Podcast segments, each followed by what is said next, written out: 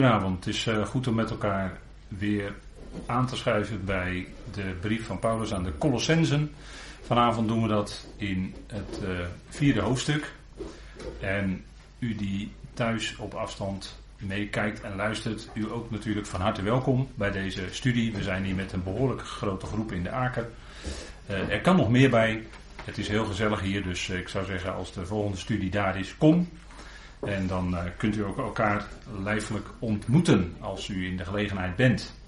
Goed, we gaan uh, met elkaar zometeen lezen in Colossense 4. En voordat we dat doen wil ik graag eerst met u beginnen met gebed. Vader, we danken u dat we ook vanavond weer bij elkaar zijn. Dank u wel voor dat woord van u waar we rondomheen vergaderd zijn. Dank u wel dat dat ons hart heeft blij gemaakt, vol vreugde gegeven. Vader, dat zicht op uw plan. Dat zicht op die verzoening die u tot stand heeft gebracht door uw zoon. Vader, en dat dat alomvattend is. Vader, dat is zo bijzonder. Dat u ons dat besef, dat weten heeft gegeven. In geloof. Vader, dank u wel dat we in alles van u afhankelijk zijn. Dat beseffen we steeds meer. Naarmate we ouder worden en te maken hebben met lichamelijke gebreken, beseffen we dat nog meer. Vader, we danken u dat u alles uitwerkt in uw plan. Dat u van niemand afhankelijk bent, maar dat u zelf uw plan uitwerkt. Door uw zoon. We danken u daarvoor. We danken u ook voor deze avond die u geeft. Geef ons een horend hart. Geef ons de woorden die goed zijn om te spreken. De juiste gedachten. Vader, mogen we gericht zijn op dat woord van u. En zo ons daardoor laten opbouwen, bemoedigen. Mag dat het ook zijn deze avond. En boven alles uit mag het zijn tot lof en eer en verheerlijking van uw naam. Bedank u daarvoor in de naam van uw geliefde zoon. Amen. Goed, ik wilde met u lezen. U kunt, uh, zoals u weet, meelezen op de dia's en anders in uw concordante boekje. We lezen. En ik ga nog even terug naar hoofdstuk 3, vers 18 om even dat bredere verband met u te lezen. Dat hebben we de vorige keer met elkaar besproken. En er staat: Vrouwen, weest onderschikkend aan jullie man, zoals dat passend is in de Heer. Mannen, heb jullie eigen vrouw lief en wees niet bitter tegen haar. Kinderen, gehoorzaamt jullie ouders in alles, want dit is welgevallig in de Heer. Vaders, ergert jullie kinderen niet opdat ze niet moedeloos worden. Slaven, gehoorzaamt in alles jullie heren naar het vlees. Niet met ogenslavernij als mensenbehagers, maar in onverdeeldheid van hart de Heer vrezend. Al wat jullie maar doen, werkt vanuit jullie ziel, als voor de Heer, en niet voor mensen, weten dat jullie van de Heer de vergoeding van de lottoedeling zullen krijgen, voor de Heer Christus slaven jullie. Want wie onrecht doet, zal terug ontvangen wat hij aan onrecht doet, en er is geen aanzien van persoon. Heren biedt aan de slaven het rechtvaardige aan en compensatie, wetend dat ook jullie een Heer in de hemel hebben.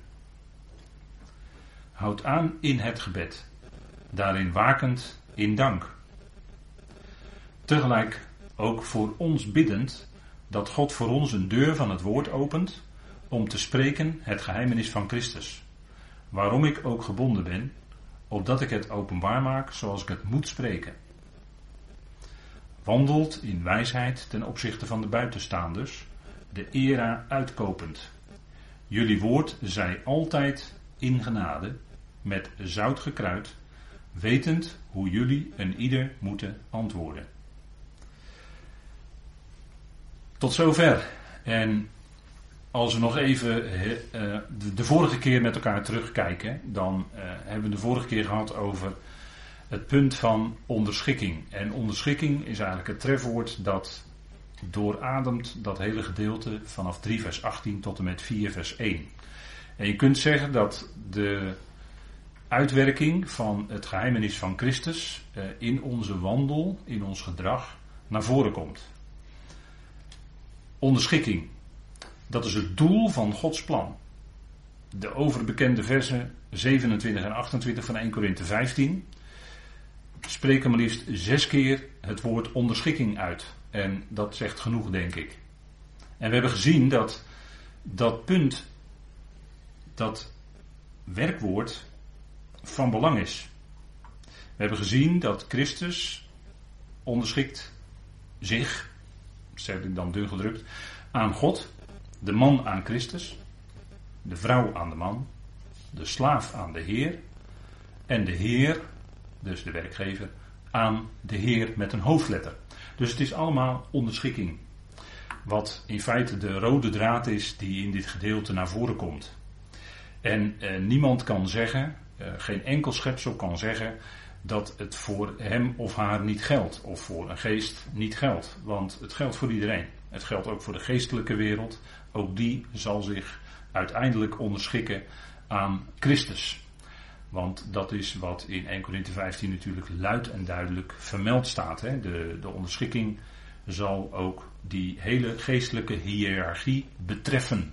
Onderschikking is ook onze houding, eigenlijk onze grondhouding zou je kunnen zeggen. Grondhouding.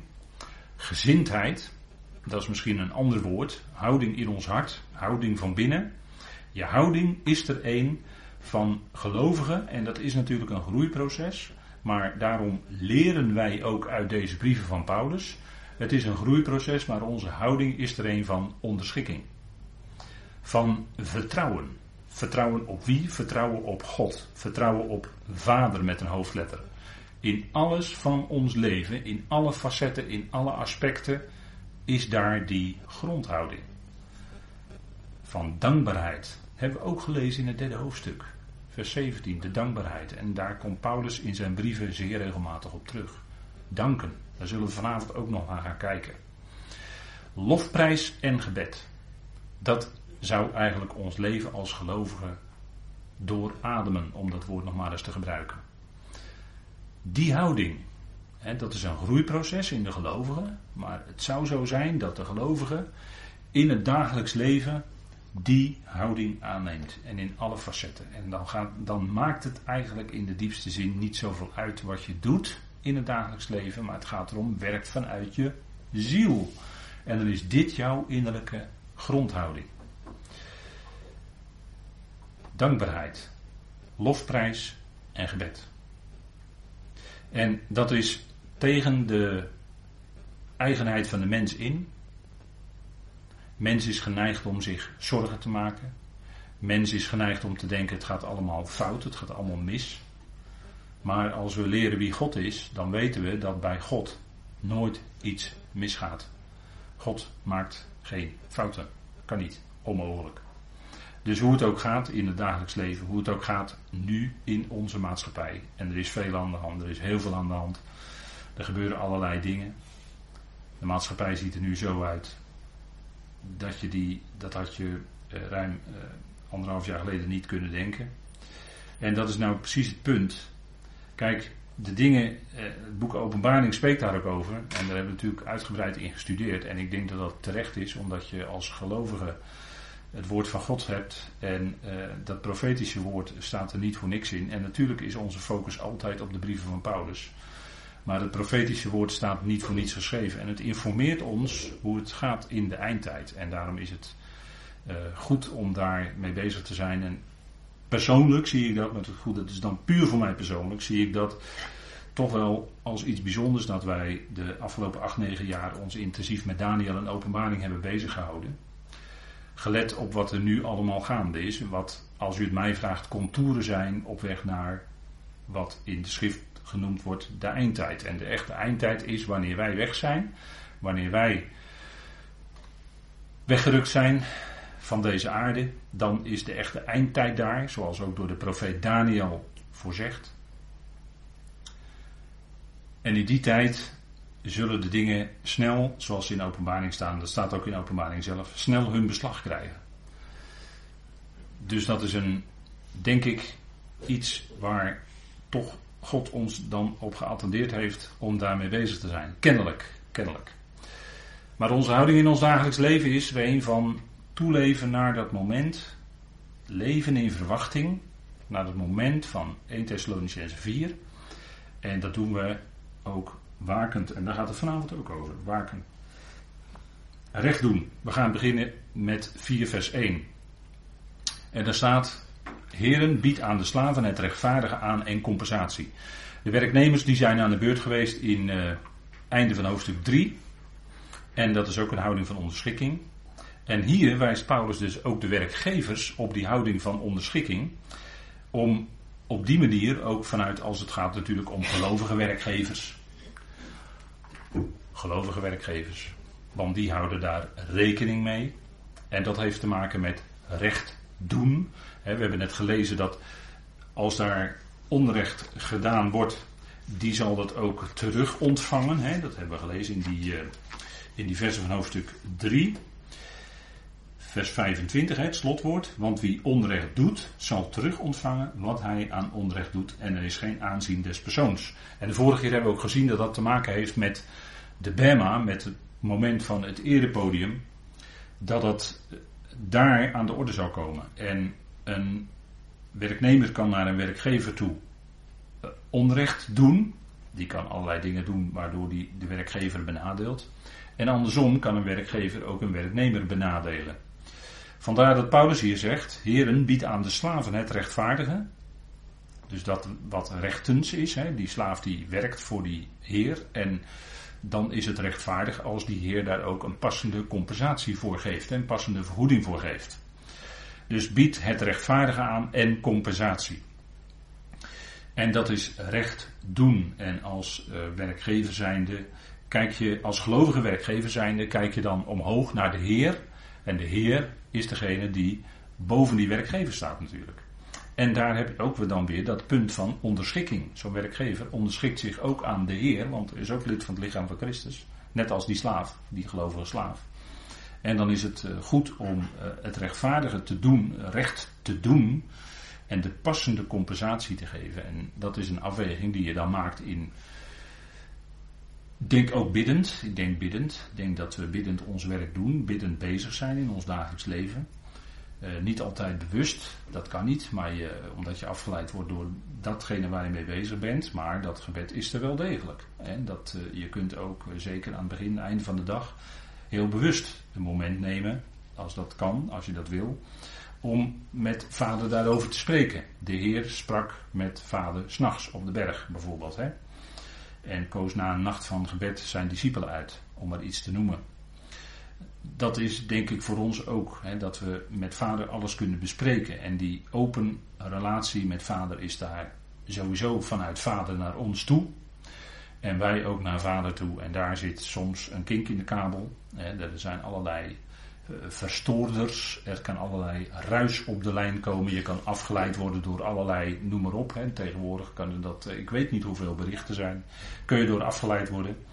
En kan zelfs je gebedsleven verstoren. De tegenstander is erop uit om dat gebedsleven helemaal de nek om te draaien. En het vlees van de mens is daar ook op uit. Hè, om de, om uh, die relatie met God, om dat zoveel mogelijk te hinderen. Daar moet je altijd op alert zijn. Het menselijke vlees die wil dit en die wil dat, maar is dat ook, is dat ook vanuit de geest, hè, de, de brieven van Paulus, dat wat we mogen leren uit Gods woord, is dat ook passend? Dus het recht doen, dat is ook een zaak van die Heer die kijkt naar de Heer boven, Christus Jezus, en vanuit die relatie kan die Heer ook passend met die werknemers in toen de tijd waren dat echte heren en slaven. Slaven waren lijfeigenen, zoals u weet. En die werden gekocht op de markt. Dus die waren dan bezit van zo'n heer. Tegenwoordig ligt dat natuurlijk allemaal wel wat anders. Maar die werkgever die kijkt, hoe kan ik nou aan die werknemer recht doen? En dat is niet, uh, niet altijd makkelijk. Uh, als, je meer, als je in een bedrijf meerdere werknemers hebt, dat is niet altijd makkelijk. En uh, ja, dat kan zelfs bij tijd en wijle heel lastig zijn voor een werkgever. Daarom is wijsheid nodig en dat woord klinkt ook in ons stukje van vandaag. Heren onderschikken aan hun Heer. Dit is het besef, hè? Wetend dat ook jullie een Heer in de hemel hebben, zegt Paulus. En in Efeze 6, vers 9 staat er ook iets van. Dat wil ik ook even met u lezen. Dat is een paralleltekst. En zo zullen er vanavond nog wel wat meer klinken.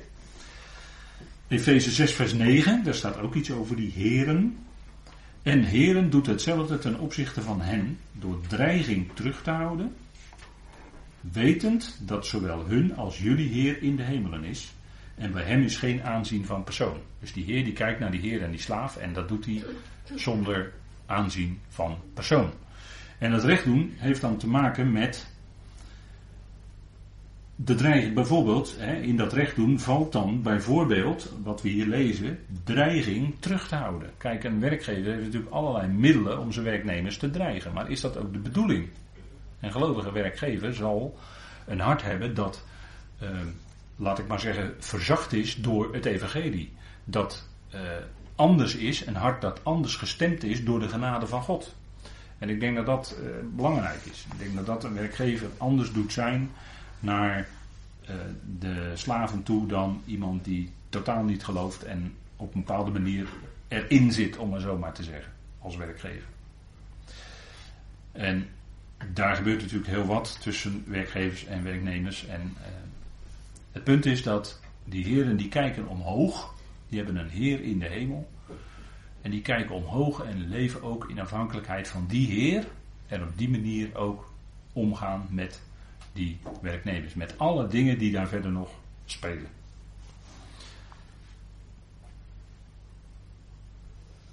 We gaan verder van, met vers 2. En het stukje 2, 4, eh, hoofdstuk 4, vers 2 tot en met 6 is weer een apart stukje. Wat in feite teruggrijpt op het grotere gedeelte, eigenlijk de, datgene waar deze brief om draait. En dat is het geheimenis van Christus. En dat geheimenis van Christus, dat is veelomvattend. Het geheimenis van Christus omvat eigenlijk alles. Hij is hoofd niet alleen van het lichaam, de uitgeroepen gemeente, maar in Colossense klinkt ook dat hij, Christus, die verheerlijkte Heer, hoofd is van alle overheid en volmacht of gevolmachtigde. Hij is het hoofd. Eigenlijk van heel de schepping. Hij staat aan de top in feite al, alleen moeten heel veel schepselen dat nog gaan erkennen.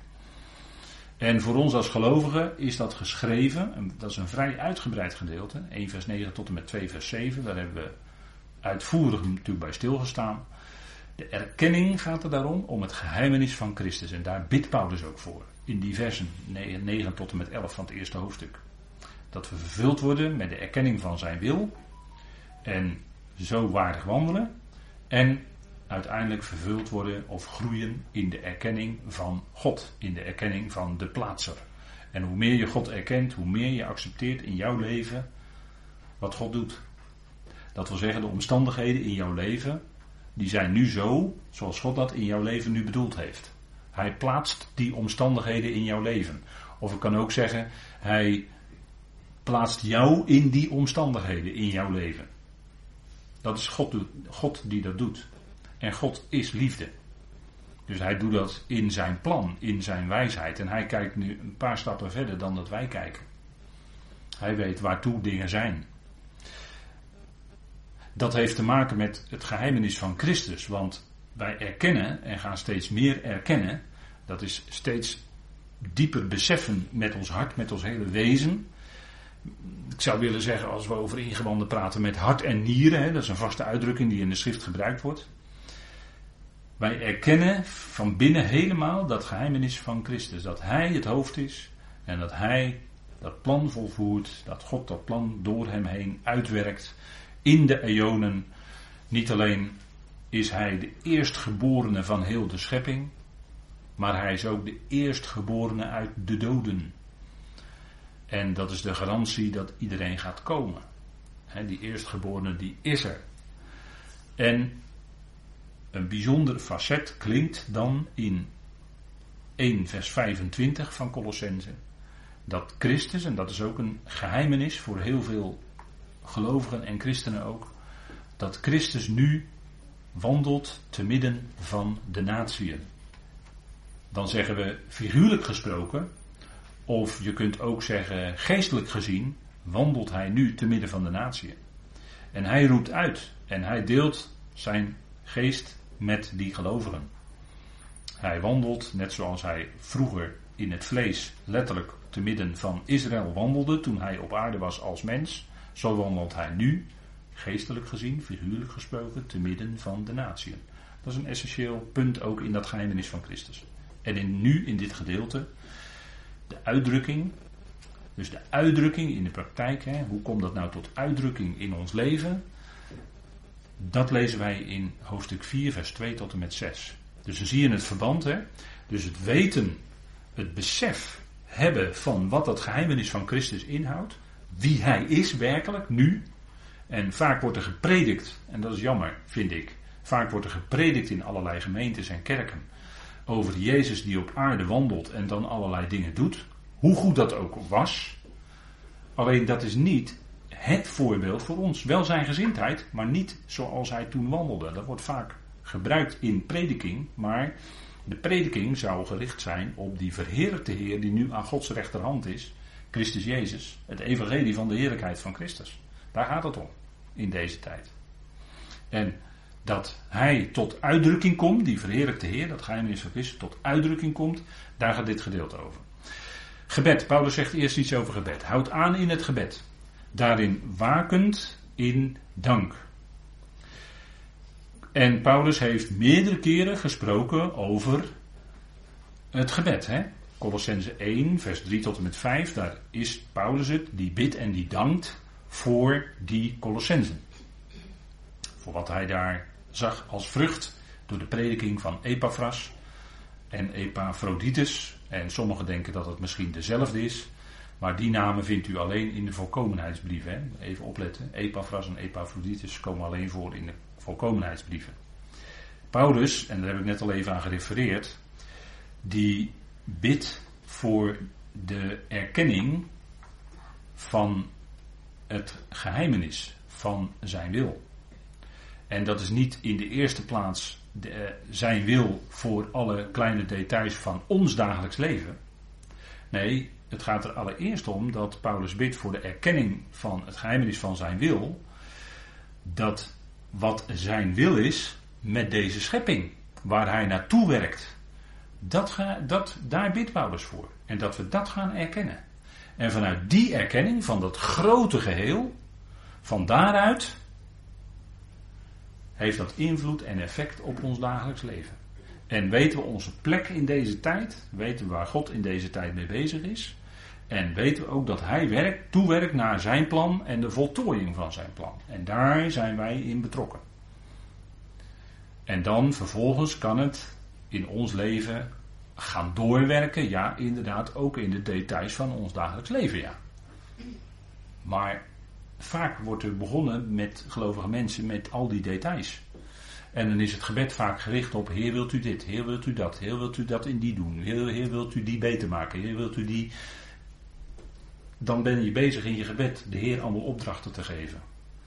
De ene boer, dat is een bekend voorbeeld, hè? de ene agrariër die bidt om regen. En de andere agrariër die wil oogsten, die bidt om droogte. Want die wil oogsten. Wat moet God nu doen? Moet u nu regen geven of moet u nu droogte geven? Begrijpt u? Nou, zo hebben wij, als, als we met al onze kleine ditjes en datjes, waar ik het net over had, als we God erom bidden, of de God dan dit wil doen en dat wil doen en dat wil doen, dan de ene gelovige wil graag dat en de andere gelovige wil graag dat. Wat moet de Heer nu doen? Nou, dat is, daarom bidt Paulus ons, en dat is een mooi voorbeeldgebed, vers 9 tot en met 11. En dat hoor je heel af en toe, heel soms hoor je een liturg dat bidden in de dienst. En dan denk ik, als dat gebeurde, denk ik, fijn. Fijn dat dat gebeden wordt. Want dat is een bijbels gebed van de apostel Paulus. en uh, in 3 vers 17 heeft hij er ook iets van gezegd, want Paulus is daar voortdurend mee bezig. Al wat jullie maar doen, in woord of in werk, doe dit alles in de naam van de Heer Jezus Christus, dankend God de Vader door hem. Dat is dus alomvattend, hè? Al wat jullie maar doen. En vervolgens, vanaf vers 18, werkt Paulus dat dan uit in de dagelijkse praktijk. In al die relaties die maatschappelijke verbanden, heb ik het genoemd, waarin wij staan. Daarin is gebed een essentieel onderdeel. Letterlijk is het woord gebed naartoe wel hebben. Dat is, je richt je op God. Naar God toe. En dan dank je eigenlijk en je bidt dat God zijn wil in jouw leven uitwerkt in die dag. Met alles wat wacht, natuurlijk je verplichtingen en alles noem maar op. Maar wat God voor die dag wil, dat hij dat uitwerkt. Wel, hè, dat is het woord wel, ui, goed. En dat God dat goede met ons voor heeft, dat erken je dan ook in je gebed. En natuurlijk bid je voor hen die je lief zijn. Je bidt voor degenen die zwak, ziek zijn in de gemeente. Je bidt voor alle mensen. Natuurlijk, we bidden ook voor alle mensen. Er is overal nood in de wereld. En die nood wordt niet vandaag, vandaag op morgen opgelost. En toch bid je daarvoor. Je bidt ook voor de overheden. En je bidt voor enzovoort. En daarin wakend in dank. En daarom vind ik die foto met die beestjes vind ik altijd wel leuk. Dat zijn de stokstaartjes. En die staan vaak zo. Er staan er altijd een aantal hè, bij het nest. En dat is allemaal ondergronds. Maar er staan er altijd drie of vier. Die staan altijd op de uitkijk. Die staan altijd te waken. Is er onraad, dan geven ze geluid. En dan gaan ze allemaal hup onder de rond wegwezen. Voordat ze opgegeten kunnen worden. Maar die zijn, dat zijn beestjes die zijn altijd waakzaam. Vind ik een mooi voorbeeld. Uit de natuur weer. Hè. God geeft ons zoveel illustraties in de natuur waar we iets van kunnen leren. En zo kunnen we ook van die beestjes wat leren, waakzaam zijn. Nou, in deze tijd is dat wel geboden, denk ik. Want ja, we, we zouden wakker zijn en niet slapen. Hè? Waarom zijn we waakzaam? Waarom waakzaam zijn, zou je kunnen afvragen als gelovige. Hè? Want Paulus zegt wakend in dank. Waarom noemt hij dat woord waakzaam? Dat wordt heel vaak in de schrift gebruikt. Waarom waakzaam? Waarom waakzaam? Kijk, ik heb hier een plaatje genomen van een peloton wielrenners. En die wielrenners, ik weet niet of u wel eens een etappe gekeken heeft, dat heb ik wel eens gedaan. Ik vind bergetappes in de Tour de France dat leuk om te kijken. Maar vlakke etappes, dat is ook wel aardig, want ze moeten, die renners moeten voortdurend waakzaam zijn. Is een ploegentactiek enzovoort, maar ze moeten voortdurend waakzaam zijn. Wat gebeurt er? Wie gaat er eventueel op de vlucht? Of wie zijn de vluchters? En hoeveel achterstand hebben we? We moeten voortdurend om zich heen kijken, waakzaam zijn, tot en met. Misschien ook een goed voorbeeld voor ons als gelovigen. We laten ons niet in slaap sukkelen door. Nee, we zijn waakzaam. En waarom? En dan passen we het niet. Eh, eh, dit was even natuurlijk eh, sport, hè? Maar geestelijk voor ons de strategieën van de Satan. Gebruikt Paulus dat woord hè, in Efeze 6. Strategieën van de Satan, van de tegenstander. Die ons wil verstrikken in van alles en nog wat. Hij wil het liefst dat we ergens in verstrikt raken, zodat we niet meer bezig zijn met datgene waar het werkelijk om gaat. Dat ze niet meer leven uit datgene waar we uit leven, willen leven eigenlijk. Maar je kunt verstrikt raken in en daar heeft hij allerlei strategieën voor. En vandaar dat ze die hele wapenrusting van God ook aan hebben. We laten ons niet meeslepen in een of ander conflict. We laten ons niet meeslepen in filosofie en religie. Dat is het volgende punt. Hè? En dat is ook zo'n strategie van de tegenstander heeft Paulus ernstig voor gewaarschuwd in Colossense 2, vers 8. Filosofie en religie. Ook daar zouden wij ons niet door laten meeslepen. Filosofieën van mensen. dat, hoeft niet, eh, dat hoeft nog niet eens de grote filosofen, de Griekse filosofen en, uh, die daarna allemaal gekomen zijn.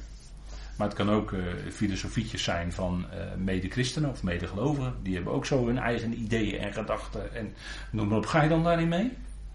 Het klinkt soms allemaal heel mooi. Maar is dat ook datgene wat God bedoelt voor deze tijd? Bouwen wij bijvoorbeeld aan nu aan het komende koninkrijk op aarde? Nee. Nee. Maar er zijn veel christenen die heel ernstig bezig zijn. En dan gaat het om de ernst en de oprechtheid. Maar die zijn toch meegenomen in een verkeerde lijn Namelijk, die willen zelf nu bouwen aan het rijk van God op aarde. En die gaan mee. Ga mee. Miljoenen doen dat. Filosofie, religie. Het doen van werken om bij God wat beter ervoor te staan. Is zo verleidelijk voor gelovigen. En soms is prediking vaak, eh, soms, vaak is prediking daarop gericht. Het goede doen, en dan vanuit een humane gedachte, humanistisch. Maar daar gaat het niet om. Het gaat vanuit het weten van het geheimenis van Christus. Wat God aan het doen is in deze tijd. En het geheimenis van Christus houdt ook in verzoening. We zijn verzoend. En dragen we dan in ons leven en in ons wandelen en in ons spreken, dragen wij dan die vrede en verzoening uit daadwerkelijk? Is dat onze houding? Is dat er een van vrede en verzoening naar die ander toe die we in ons leven tegenkomen? En dan is het eigenlijk ongeacht of het nu een gelovige of een ongelovige betreft. Hebben we dan die houding van verzoening? Dat is, dat is wat we zeggen, ons evangelie. Genade en verzoening. Dat is het geheimenis van Christus. Dat God door hem het al met zich verzoent. Dat is, dat is de essentie van het geheimenis van Christus. En dragen wij dat dan uit in onze zijn. Filosofie, religie wil ons daarvan afleiden, van afbrengen. En dan, als mensen daarin bezig zijn, ontstaat er ook direct strijd. Oneenigheid. Afleidingen van het vlees. Paulus zegt dat in Romeinen 13 bijvoorbeeld. Hè? 13 vers 14, het uh, laatste vers, Romeinen 13, afleidingen van het vlees. En uh, laten we even lezen vanaf vers 12, want dat is heel erg passend voor deze tijd, vind ik. De nacht is ver gevorderd. Even, hè, de nacht is ver gevorderd, geestelijk gezien. Hè? En de dag is nabijgekomen. Laten we dus de werken van de duisternis afleggen en de wapens van het licht aandoen. Afleggen en aandoen. Wat doen wij aan? De wapens van het licht. Laten wij, als op klaarlichte dag, op gepaste wijze wandelen. Niet in zwelgpartijen en dronkenschappen. Niet in slaapkamers en losbandigheden. Niet in ruzie en afgunst. Dat is het ongepast wandelen. Dat past niet bij ons als gelovigen. Dit is wandelen naar het vlees. Wegzinken in het vlees. Vandaar dat Paulus dan ook zegt in vers 14, maar, tegenstelling, anders dus, want het woord maar in het Grieks is eigenlijk anders, betekent eigenlijk anders. Bekleed u met de Heer Jezus Christus en verzorg het vlees niet tot begeerten. Of in mijn vertaling staat om begeerten op te wekken maakt geen voorbedenking. Hè, er staat er pro en dan noes, voorbedenking voor het vlees om jouw eigen begeerte te vervullen. Nee, allereerst, wat is het belang van Christus Jezus? En dat hebben we al vaker tegen elkaar gezegd. Hè, bekleed u met de Heer Jezus Christus. Prachtige manier van spreken is dat. Hè? We doen Hem aan. En dan is dat van het vlees niet aan de orde in feite. Afleidingen van het vlees. Ook daarvoor zouden we waakzaam zijn dat we daar niet mee in meehobbelen of wegzinken. dat is wat we. Vandaar dat het goed is om waakzaam te zijn. Om, uh, waakzaam, he, dat woord heeft te maken met, als je dat naloopt, u kunt dat wel doen hoor, in uw uh, of in uw uh, keyword concordance. Even dat woord opzoeken en dan kunt u dat keurig nalopen hoe dat gebruikt wordt. En dat heeft te maken met waken tegenover slapen. De discipelen sliepen in de hof van het Zemenee. En dan zegt de Heer tegen ze: Kunnen jullie niet één uur met mij waken? Wordt dit woord gebruikt, waakzaam. Dus tegenovergestelde van slapen. En natuurlijk dan geestelijk gezien. Nee, we zijn waakzaam. We laten ons niet in slaap sukkelen, geestelijk gezien in deze tijd. Want we weten, die bazuin die gaat klinken. En daar leven wij naartoe. Gebed en dank.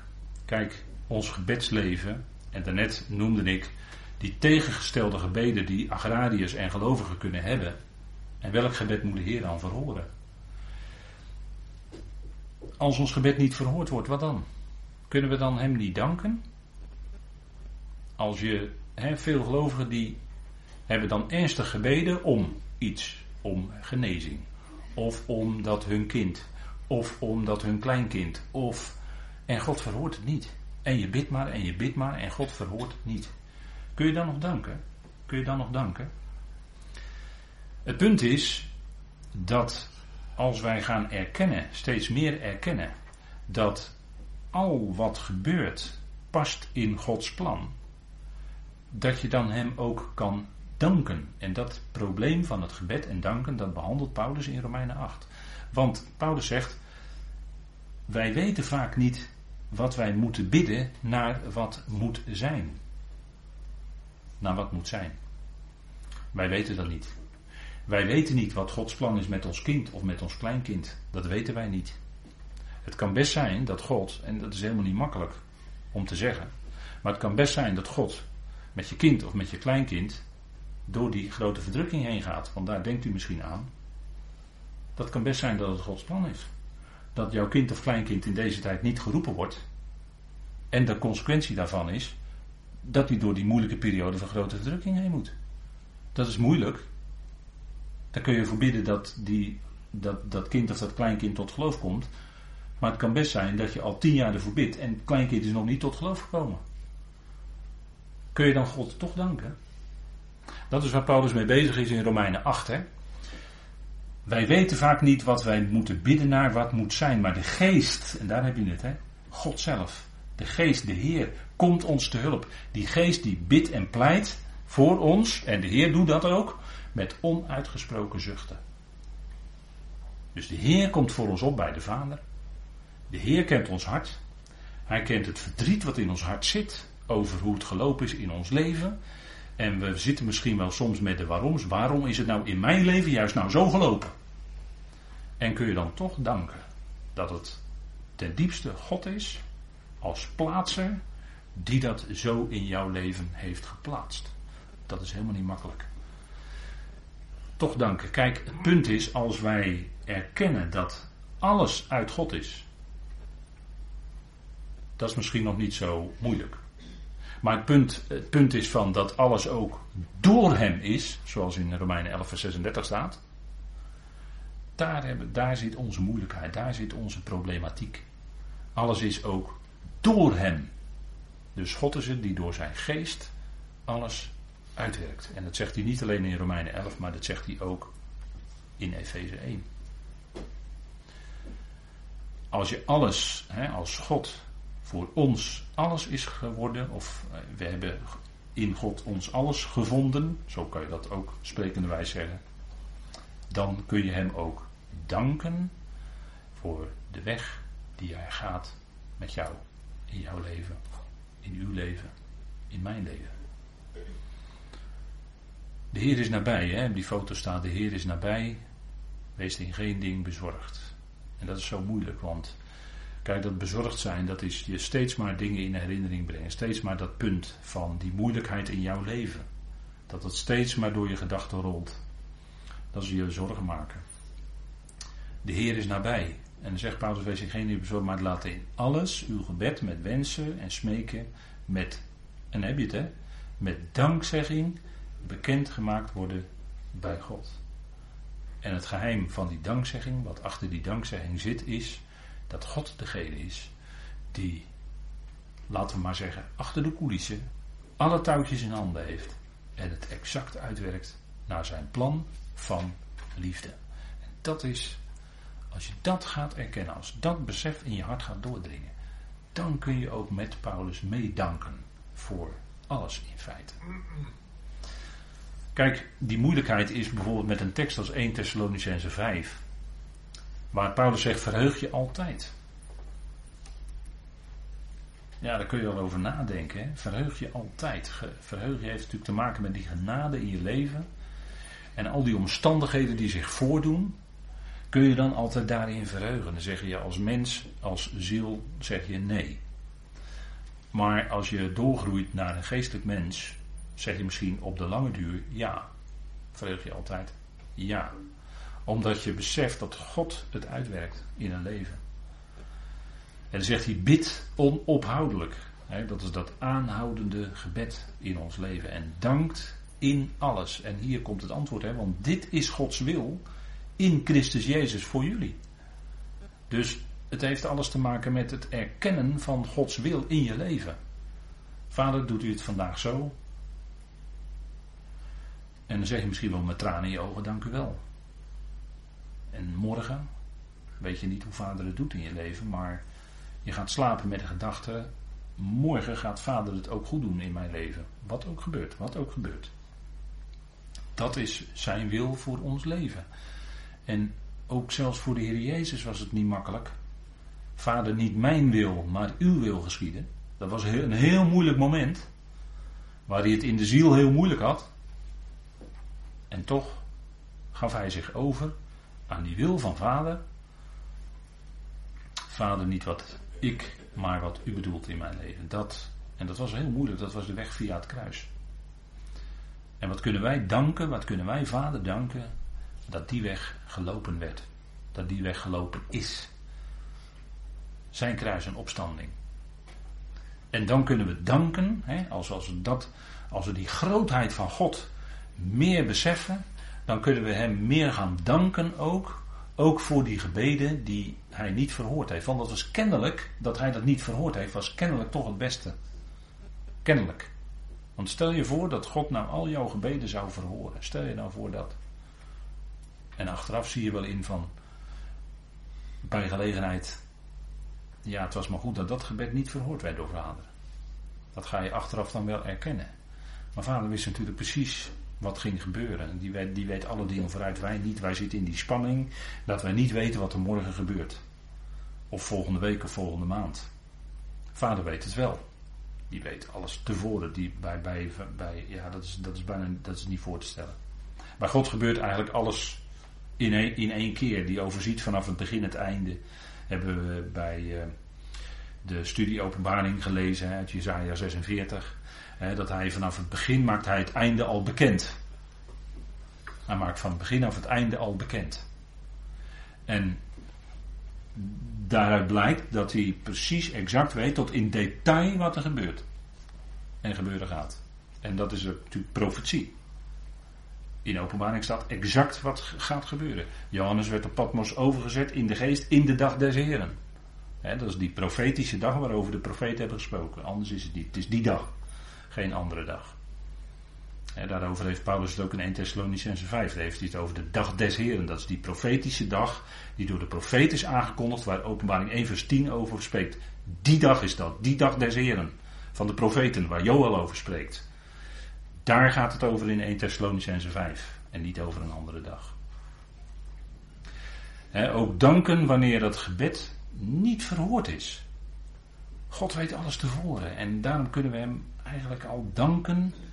Dat is het geheim hè, wat, wat de apostel Paulus kende. Daarom kunnen we hem danken voor datgene wat hij morgen gaat doen. En daarna uitkijken hoe God het gaat doen. En dat we dan zeggen, nou vader, doet u het zo? daar heb ik het best wel moeilijk mee. Dat, dat, kun je ook uitspreken naar God toe. Dat je daar best wel moeilijk mee hebt met bepaalde dingen, hoe God het uitwerkt. Maar uiteindelijk kun je dan als gelovige vader ook danken dat hij het zo doet. Dat is de weg, hè. Paulus bidt, hè, en die vraagt ook om gebed. Hè. Paulus vraagt ook om gebed. Dat doet hij meerdere keren in zijn brieven. Hè, dat God een deur van het woord opent. Hè, tegelijk ook voor ons biddend dat God voor ons een deur van het woord opent om te spreken het geheimenis van Christus.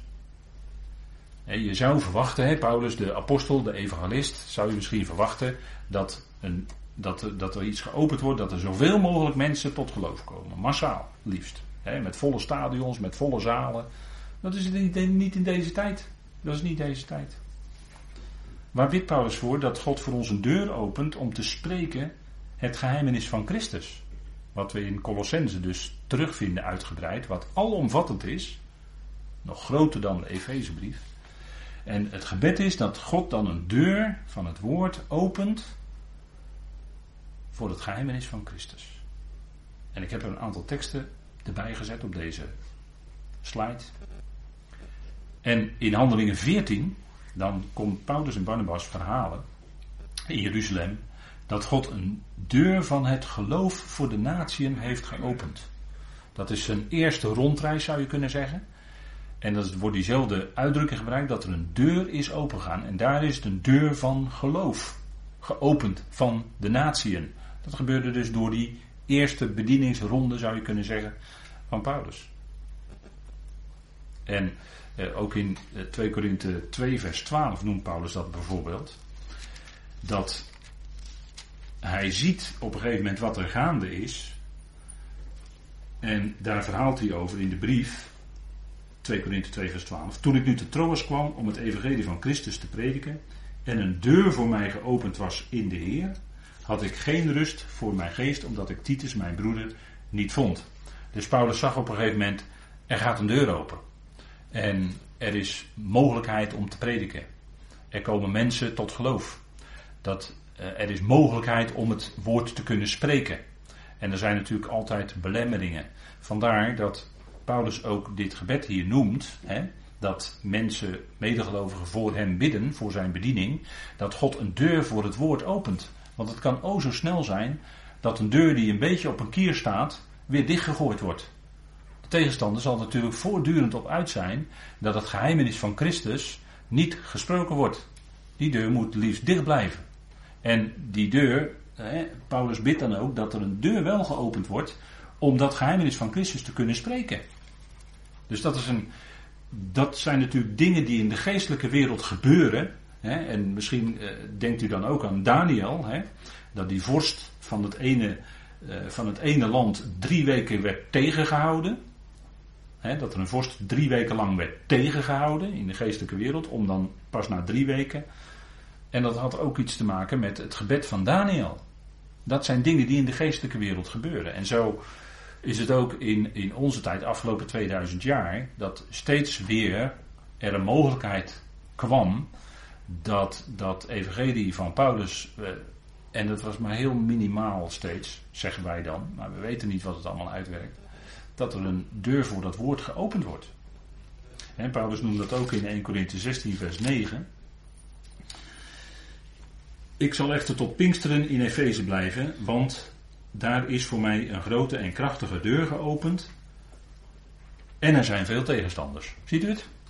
Als een deur geopend wordt en dat woord wordt gesproken, dan zijn er automatisch ook tegenstanders. En dat is, zegt u, dat is vlees en bloed. Ja, maar de geestelijke machten werken via vlees en bloed. Hè? Werken via mensen. Dus als daar een deur open is, voor het geheimenis van Christus, dan zijn er onmiddellijk ook tegenstanders in de linie, om het zo maar te zeggen, om die deur weer dicht te gooien. En dat gebeurt ook in onze dagen, dat gebeurt ook in onze tijd. altijd waar het evangelie uitgaat, waar het geheimenis van Christus bekend wordt gemaakt, dan komt er tegenstand. Dan komt er op een of andere manier, ja dan krijg je al die tactiekjes van, eh, die de tegenstander heeft om het eh, woord te ontkrachten. Of er verschijnen artikelen in andere bladen tegen. En eh, er wordt een verderfelijke leer van de verzoening van allen enzovoort. Dat soort dingen allemaal. Hè. Er verschijnen er boekjes en brochures enzovoort in. Nee, dat is allemaal, dat is natuurlijk allemaal geweest. Overal waar het doorbreekt, daar komt reactie. Vandaar dat Paulus bidt hier dat God voor ons een deur van het woord opent. Om dat te kunnen uitspreken, om dat te kunnen doorgeven. En het is goed om je dat bewust te zijn. En ik denk ook dat u daarvoor bidt, hè, dat, dat, dat dit gebed ook uh, in uw leven is. Hè, dat dat geheimnis van Christus gesproken wordt. Want het is iets geweldigs natuurlijk. Hè. Het is tot, volledig tot eer van Christus. En daar zit ook een punt, denk ik, waarom het tegenstand is. Omdat mensen graag eer naar zich willen toetrekken. En dan gaan ze het dwarsbomen. Of dan uh, vinden ze dat uh, de accenten toch wat anders moeten liggen. Of dan komen de lastenpraatjes. Of dan komen de, nou noem maar op. Hè.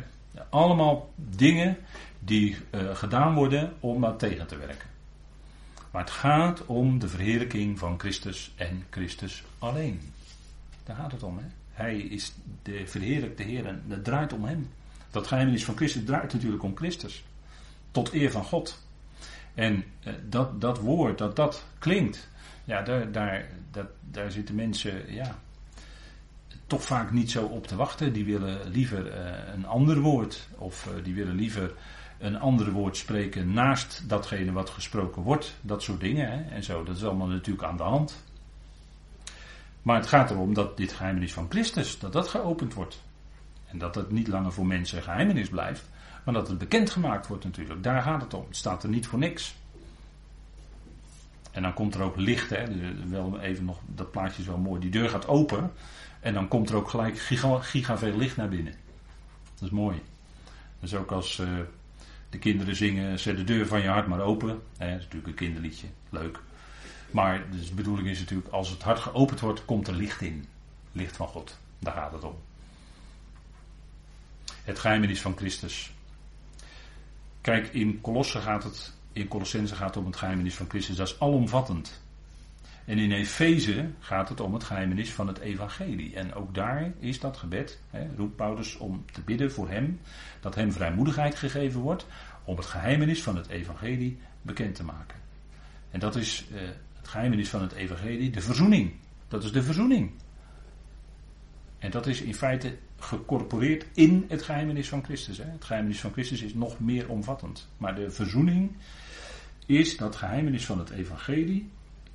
Paulus vraagt ook om gebed dat dat bekendgemaakt wordt. Want waar klinkt in deze tijd de verzoening zoals Paulus die bekend maakt? Waar klinkt dat? Op die manier. Zoals Paulus het echt in zijn brief bedoelde. Ik denk dat er niet zo heel veel plaatsen zijn waar het echt zo klinkt. Denk ik. En kijk dat Paulus, ik heb hier nog een aantal teksten bijgezet, maar die kunt u thuis rustig op uw gemak nazoeken. Dat Paulus op meerdere plaatsen vraagt hij de gelovigen om voor hem en de bediening en de boodschap te bidden. Dat is niet voor niks natuurlijk. Paulus was ook gewoon een mens. En die had ook zo zijn tegenslag. En die zou ook wel eens zo zijn stemming gehad hebben dat hij ten neergeslagen was of somber was over dat het maar ploeg op de rotsen is. En u kent al dat soort uitdrukkingen wel. Maar dat hij toch dan vrijmoedigheid mocht hebben. Hè? Paresia is dat in het Grieks. En dat, dat betekent eigenlijk letterlijk dat je alles kunt zeggen. En je hebt soms uh, samenkomsten uh, waarin je spreekt dat je niet dat je, dat je merkt uit de zaal dat er tegenstand is. En dan kun je niet alles zeggen. Dat is gewoon omdat de tegenwerking tegenstand is. Dat merk je. En vandaar dat Paulus dan bidt om, dat, om die vrijmoedigheid, hè, dat is een belangrijk woord, ook in handelingen wordt dat gebruikt, meerdere keren. Om vrijmoedigheid, hè, dat je alles kunt uiten, dat je alles kunt zeggen. Dat is een belangrijk punt, denk ik. En vandaar dat Paulus in meerdere brieven vraagt om gebed. Voor die boodschap, voor die bediening, voor zijn apostel zijn, dat hij dan daarmee door kon gaan, met dat uitbrengen. En uh, in Korinthe zei hij ook, broeders, de tijd is kort. En daar ben ik van overtuigd, de tijd is kort. En laten we de tijd die we nog hebben uitkopen. En dat is dan uh, voor na de pauze.